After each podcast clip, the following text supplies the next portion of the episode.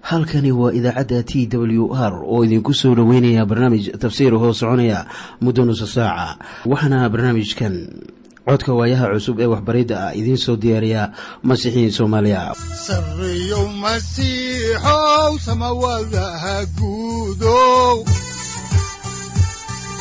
Siraadkii adduunkow subanaha eebow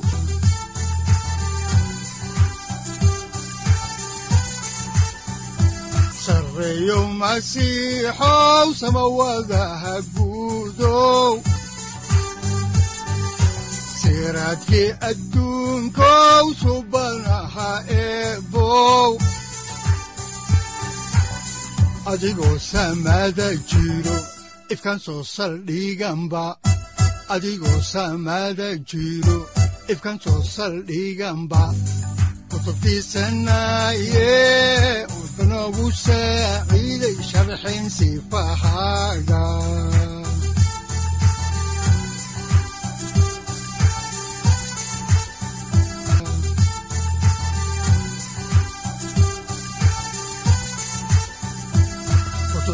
kutubtiisinayo ebanagu saaciid sharxin sifahaaga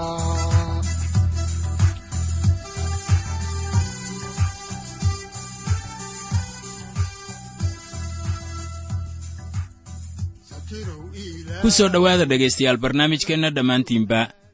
Waxaan horay u sii ambaqaadi doonnaa daraasaadkii la magac baxay baibalka dhammaantii. Waxaannu horay idinku sii wadi doonnaa kitaabkii afraad ee muuse oo loo yaqaanno tirintii.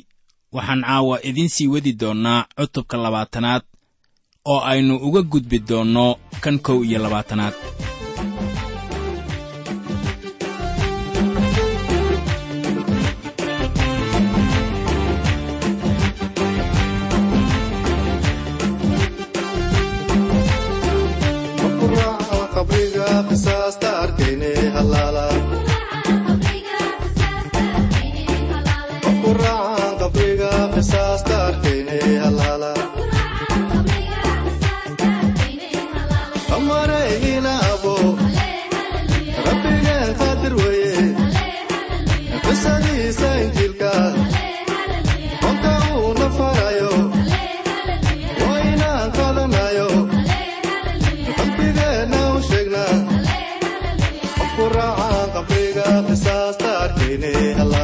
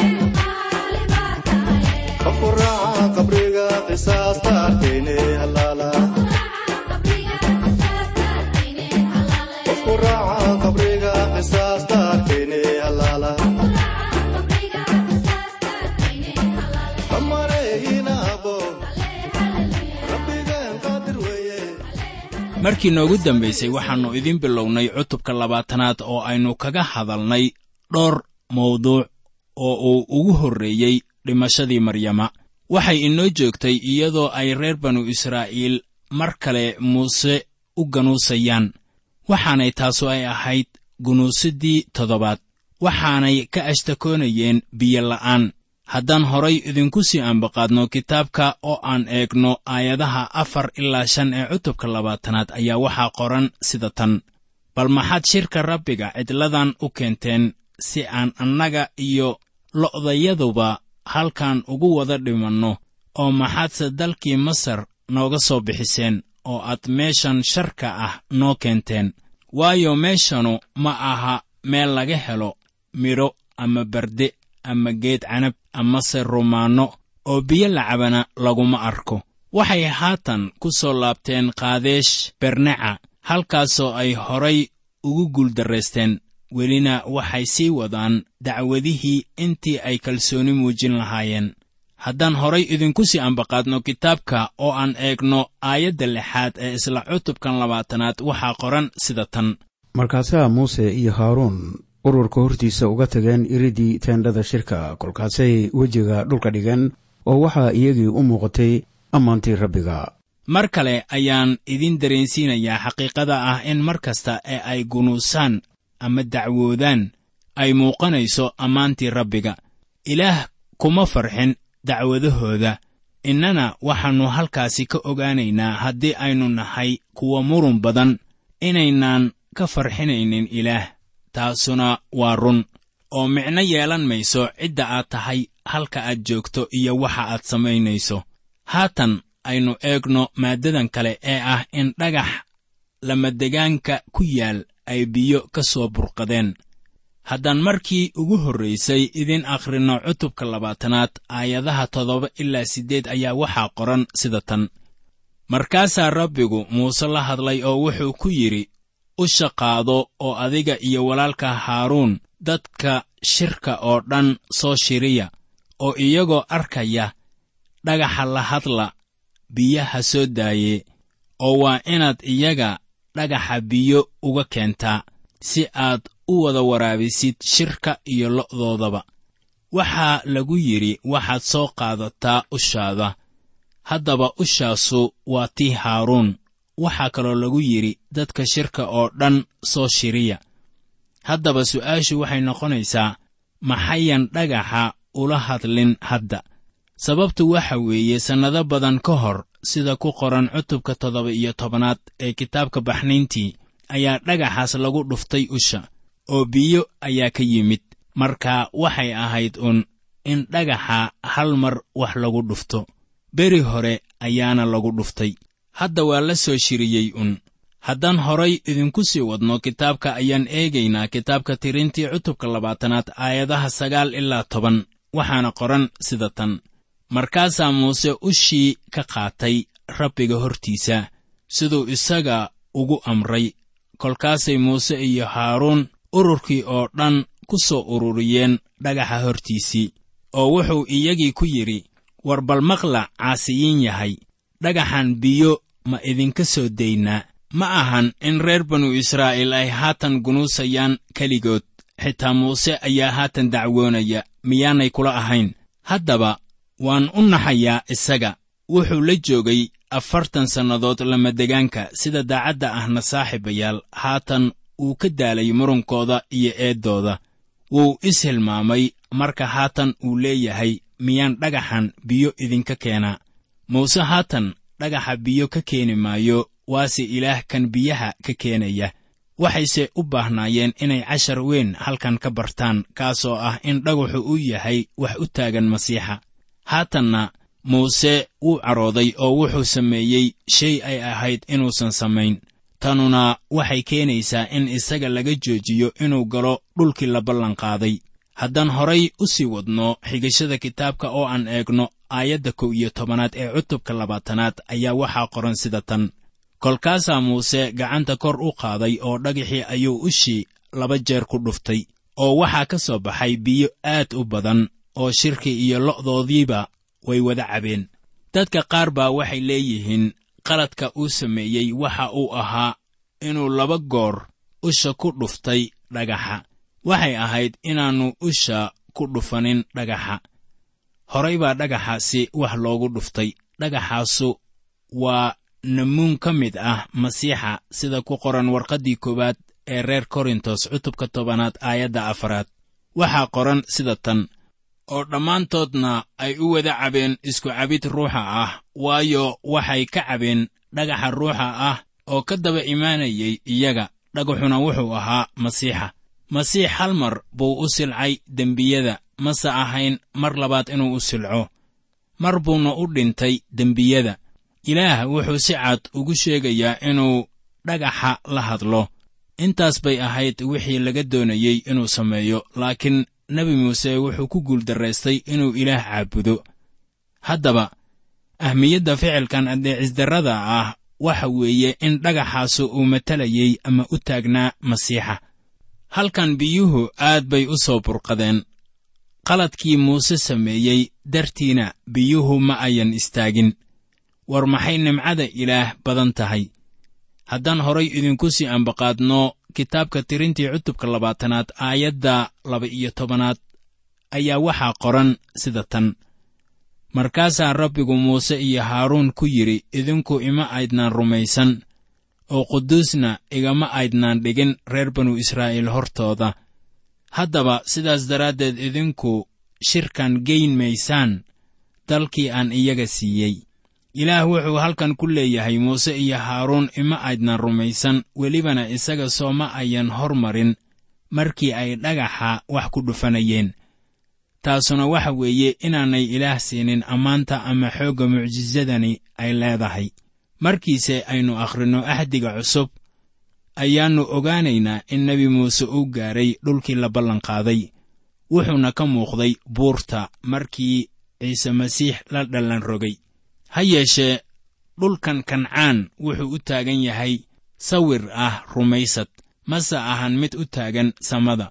Waxaannu ku jiraa dunidan cidlada ah laakiin aniga iyo adiguba waxaannu ku raaxaysanaynaa barakada kancaan taasuna waxay ka imaanaysaa ama waxay ku imaanaysaa sidaan ku arki doonno kitaabka yeshuuca dhimashada iyo sarakicidda masiixa waa inaan taasi aqoonsannaa innagoo ilaah rumaynayna oo ku addeecayna xaaladda. Taasuna waa tii nebi muuse iyo haaruun ay ku guuldarraysteen haddaan dib ugu noqonno kitaabka oo aan eegno aayadda saddex iyo tobanaad ee cutubka labaatanaad waxaa qoran sida tan. Kuwanu waa biyihii meriibaah maxaa yeelay reer banu israa'iil way la dirireen rabbiga oo wuxuu iyaga tusay inuu quduus yahay. Maanta saaxiib rumaysadarradu waa dembigeenna ugu wada weyn. Haddaba sidee baa ilaah uu inoo arkayaa markii aynaan qaadan hadalladiisa oo aynaan rumaysan? Haatanna waxaan eegaynaa reer edom oo reer banu israa'iil u diidaya inay dhulka galaan. Haddaan horay idinku sii wadno xigashada kitaabka oo aan eegno aayadaha afar iyo toban ilaa shan iyo toban waxaa qoran sida tan. Markaasaa muuse kuwo farriin wada qaadeesh uga diray boqorkii reer edom oo wuxuu ku yidhi annagoo ah walaalaha ilmo israa'iil waxaannu kugu leennahay waad garanaysaa dhibkii nagu soo dhacay oo dhan iyo sida awowayaashay dalkii masar ay u tageen iyo inaannu masar wakhti dheer degganayn. Masriyiintu aad iyo aad bay noo xumeeyeen annaga iyo awowayaashayaba muuse wuxuu farriin wadayaashii u sii dhiibay qadar ka mid ah taariikhdoodii wuxuuna weyddiisanayaa inuu dhulka dhex maro. Wuxuu yidhi sida ku qoran kitaabka tirintii cutubka labaatanaad aayadda toddoba iyo tobanaad sida tan. Waan ku baryayaaye naddaa aan dalkaaga dhex marne kaa dhex mari mayno barrin ama beer canab oo ceelasha biyahoodana ka cabi mayno waxaannu iska maraynaa boqorka waddadiisa oo ugu leexan mayno xagga midigta ama xagga bidixda jeeraannu soohdintaada ka baxno.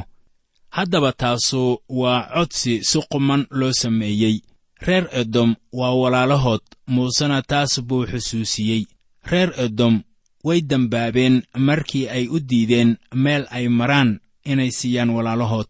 Reer edom waxay ka soo farcameen ciisow oo ahaa israa'iil ama yacquub walaalkiis. Haddaannu horay idinku sii ambaqaadno ayaannu eegaynaa aayadda siddeed iyo tobanaad. Waxaana qoran sida tan markaasaa boqorkii edom wuxuu ku yidhi dalkayga waa inaad soo dhex marin yaanaan seef kuula soo bixine carruurtii israa'iil mar kale ayay u sheegeen edom inay leeyihiin lo' iyo carruur yaryar oo ay doonayaan inay dhulka dhex mariyaan waxaanay mar kale u xaqiijiyeen inaanay waxba ka hallayn doonin dhulka. Haddaan horay idiinku sii wadno kitaabka ayaa waxaa ku qoran aayadaha labaatan ilaa koob iyo labaatan sida tan. Oo isna wuxuu yidhi dadkayga soo dhex mari maysaan markaasaa boqorkii edom wuxuu u soo baxay reer banu israa'iil isagoo gacan xoog leh dad badan ku wata. Oo sidaasuu boqorkii edom ugu diiday reer banu israa'iil inay soohdintiisa soo dhex maraan oo saas aawadeed reer banu israa'iil isagii way ka leexdeen. Haatan way ka leexdeen mana ahayn wax loo baahnaa haddii ay meel ay maraan ka heli lahaayeen reer edom haddaba waxaan u malaynayaa in muuse uu qalad sameeyey. Muuse waxay ahayd inuu raaco daruurta oo mana ahayn inuu walaac muujiyo ilaah baa ku hoggaamin lahaa halka uu marayo iyo jidkiisa intii uu weyddiisan lahaa oggolaansho uu dhulka ku dhex maro waxay ahayd inuu raaco daruurta. Waxaan u malaynayaa in tiirka daruurta ah uu ku hoggaamin lahaa jid aanay reer edom marna kula dagaalameen waxaan rumaysanahay in tanu ay ku timid go'aan nebi muuse uu leeyahay oo aan ilaah lagala tashan waana ayaan darro in badankeen aynu sidaa samayno. Waxaannu soo gaarnay dhimashadii haaruun waxaanay taasu idlaynaysaa dhammaadka cutubkan ku dhammaanaya caloolxumada. Laakiin waxaa cutubkan aan ku aragnay casharro wax ku ool ah oo aniga iyo adigaba muhiim inoo wada ah. Haddaan horay idinku sii wadno kitaabka oo aan eegno aayadaha saddex iyo labaatan ilaa afar iyo labaatan waxaa qoran sida tan markaasaa rabbigu muuse iyo haaruun kula hadlay buur xor oo ku agtaal soohdinta dalka edom oo wuxuu ku yidhi haaruun wuxuu ku darman doonaa dadkiisii waayo isagu geli maayo dalkii aan siiyey reer banu israa'iil. Maxaa yeelay hadalkaygii waad caasideen markaad biyihii mariibaah ag joogteen. Waxaad og tihiin inay jiraan dad badan oo yidhaahda masiixiyiin ayaannu nahay oo aan haysanin midhaha nabaaddiinnada oo mana lahan nabadda ruuxa oo noloshooda ku jirta. Garan maayaan waxay tahay in masiixa wehel lala ahaado. Welibana su'aal ka keeni maayo nabaaddiinnadooda. Markaana haaruun wuxuu ahaa nin noloshiisu ay sidaas oo kale ahayd.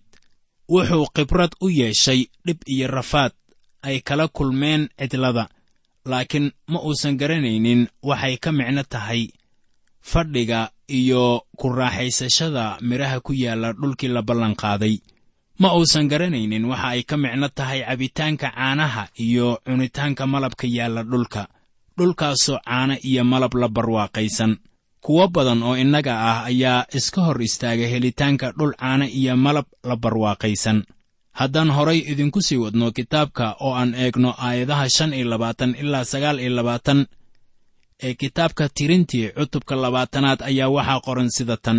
Haddaba haaruun iyo wiilkiisa elicasaar soo wad oo waxaad iyaga keentaa buur xor oo markaas haaruun dharkiisa ka bixi oo waxaad u gelisaa wiilkiisa elicasaar oo haaruun dadkiisa wuu ku darman doonaa oo halkaasuu ku dhiman doonaa.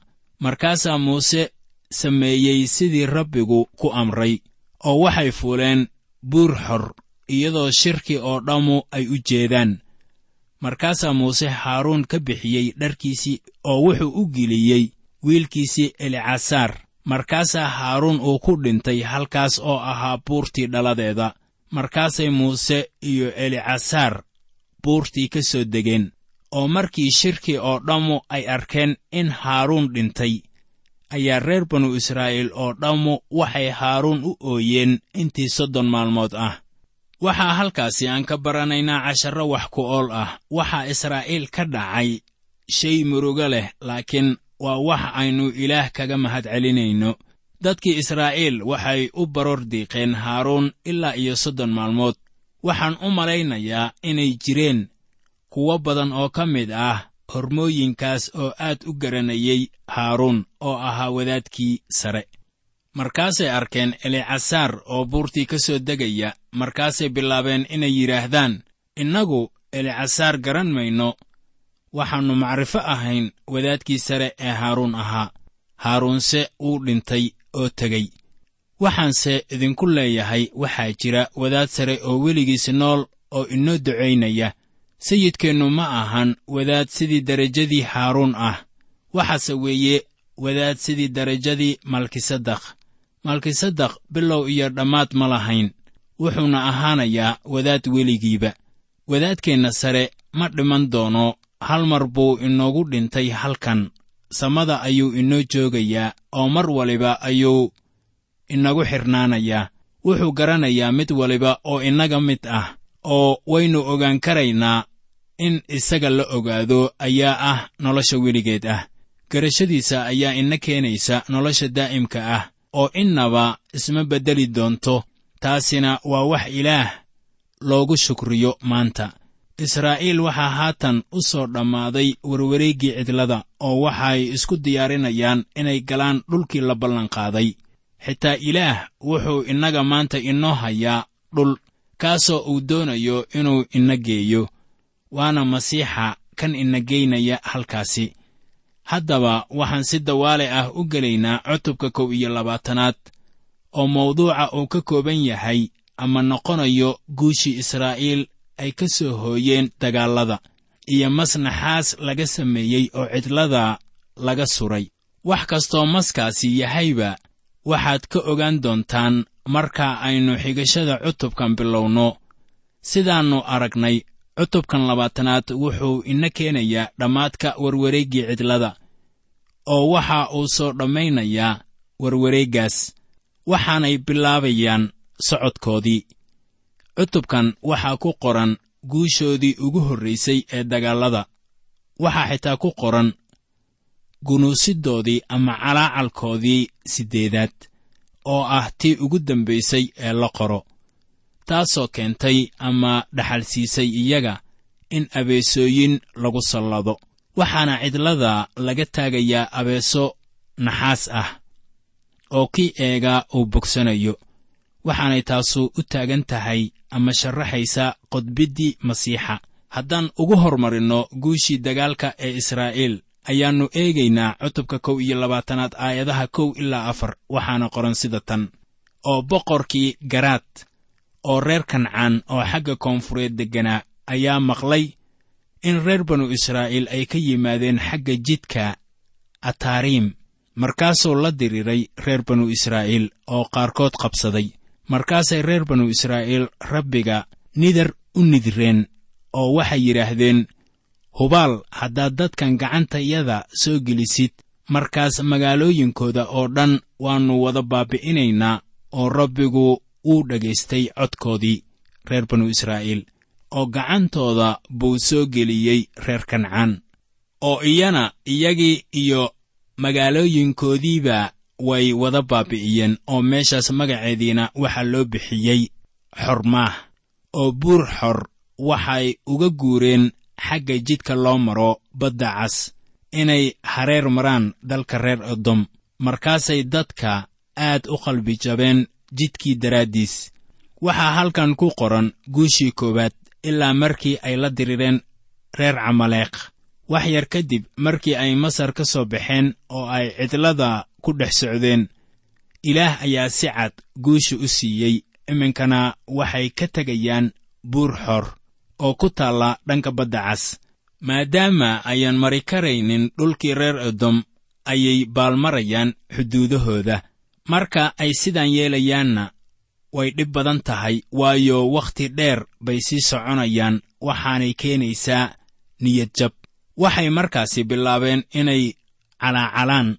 Waxa ayaan darra ah markii dhib u yimaado in dadku ay bilaabaan gunuusid maanta. Haatanna waxaannu eegaynaa maaddadan qusaysa calaacalkii siddeedaad iyo wixii ay dhaxalsiisay reer banu israa'iil haddaan idiin akhrinno kitaabka tirintii cutubka kow iyo labaatanaad aayadda shanaad ayaa waxaa ku qoran sida tan. Oo dadkii waxay ku hadleen wax ka gees ah ilaah iyo muuseba oo waxay yidhaahdeen war dalkii masar maxaa nooga soo bixiseen si aannu cidladan ugu dhimanno? Waayo kibis ma jirto biyana ma jiraan oo naftayaduna kibistan khafiifka ah way ku yaqyaqsataa waxaynu garanaynaa in maannada ay horay uga soo hadleen oo ay ka ashtakoodeen. Welina way ka ashtakoonayaan. Ha yeeshee maannadu waxay ahayd cunno waxtar leh. Waxaana ilaah uu inagu xusuusinayaa kitaabka shanaad ee muuse oo loo yaqaanno sharciga ku noqoshadiisa in maannada ay cunayeen darteed cagahoodu ayan bararin. Waxay dacwad ka qabaan maannada laakiin warjecli ayay taasi ka gaareen maahane ilama ahan inay dhib badan tahay in raashin ilaah uu ku siiyey garan weyso sida loo cuno. Waxaana la mid ah qalqiga oo dhan kuwaasoo inay dacwo iyo calaacal la yimaadaan tahay wax caadi ah. Ilaahse ma jecla muranka tirada badan oo mucaarada isaga. Waa inaan taasi maanka ku hayno walaalayaal haddaan horay idinku sii wadno xigashada kitaabka tirintii cutubka kow iyo labaatanaad aayadaha lix ilaa toddoba waxaa qoran sida tan. Markaasaa rabbigu wuxuu dadka dhexdiisii ku soo daayey abeesooyin qaniinyo kulul oo ay dadkii qaniineen oo dad badan oo reer banu israa'iil ah ayaa dhintay. Markaasay dadkii muuse u yimaadeen oo waxay ku yidhaahdeen annagu waannu dembaabnay maxaa yeelay waxaannu ku hadalnay wax ka geys ah rabbiga iyo adiga. Haddaba rabbiga noo bari inuu abeesooyinka naga fogeeyo. Markaasaa muuse dadkii u baryey rabbiga. Waxay yidhaahdeen waannu dembaabnay waxay haatan diyaar u yihiin inay oggolaadaan inay ilaah ku xadgudbeen oo welibana muuse ay ku xadgudbeen. Haatan saaxiibayaal taasu waa dhibaato haysata dad badan oo maanta nool waxay doonayaan inay ilaah ugu yimaadaan sida iyaga oo aan eed lahayn laakiin sayidku wuxuu u yimid dembiilayaasha waana inaan ilaah ugu nimaadno sidaannu nahay. Dadku markay ilaah u imaanayaan waa inay caddeen ka bixiyaan rumaysadkooda waayo iyaga ma lahayn camal wanaagsan.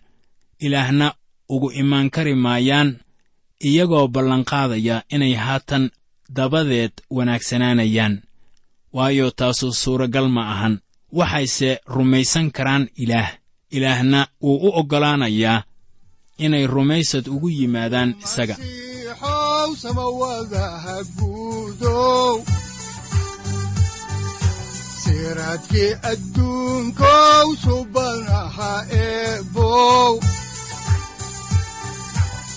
Adigoo samada jiro ifkan soo saldhiganba adigoo samada jiro ifkan soo saldhiganba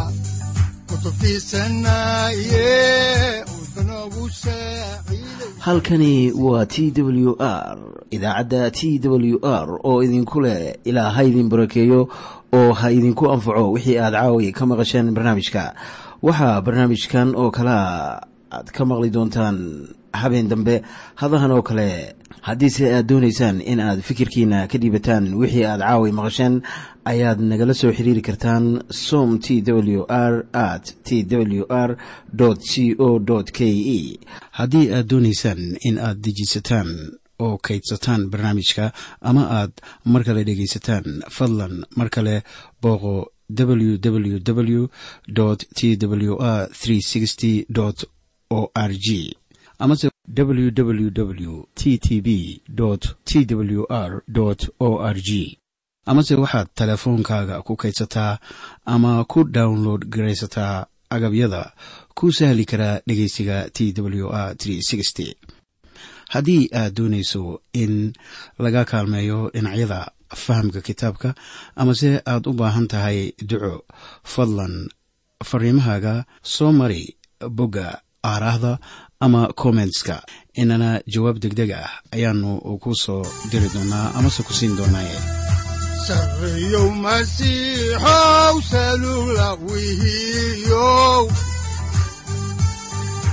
saacadda timid dhulka sabada ku dhalatiyo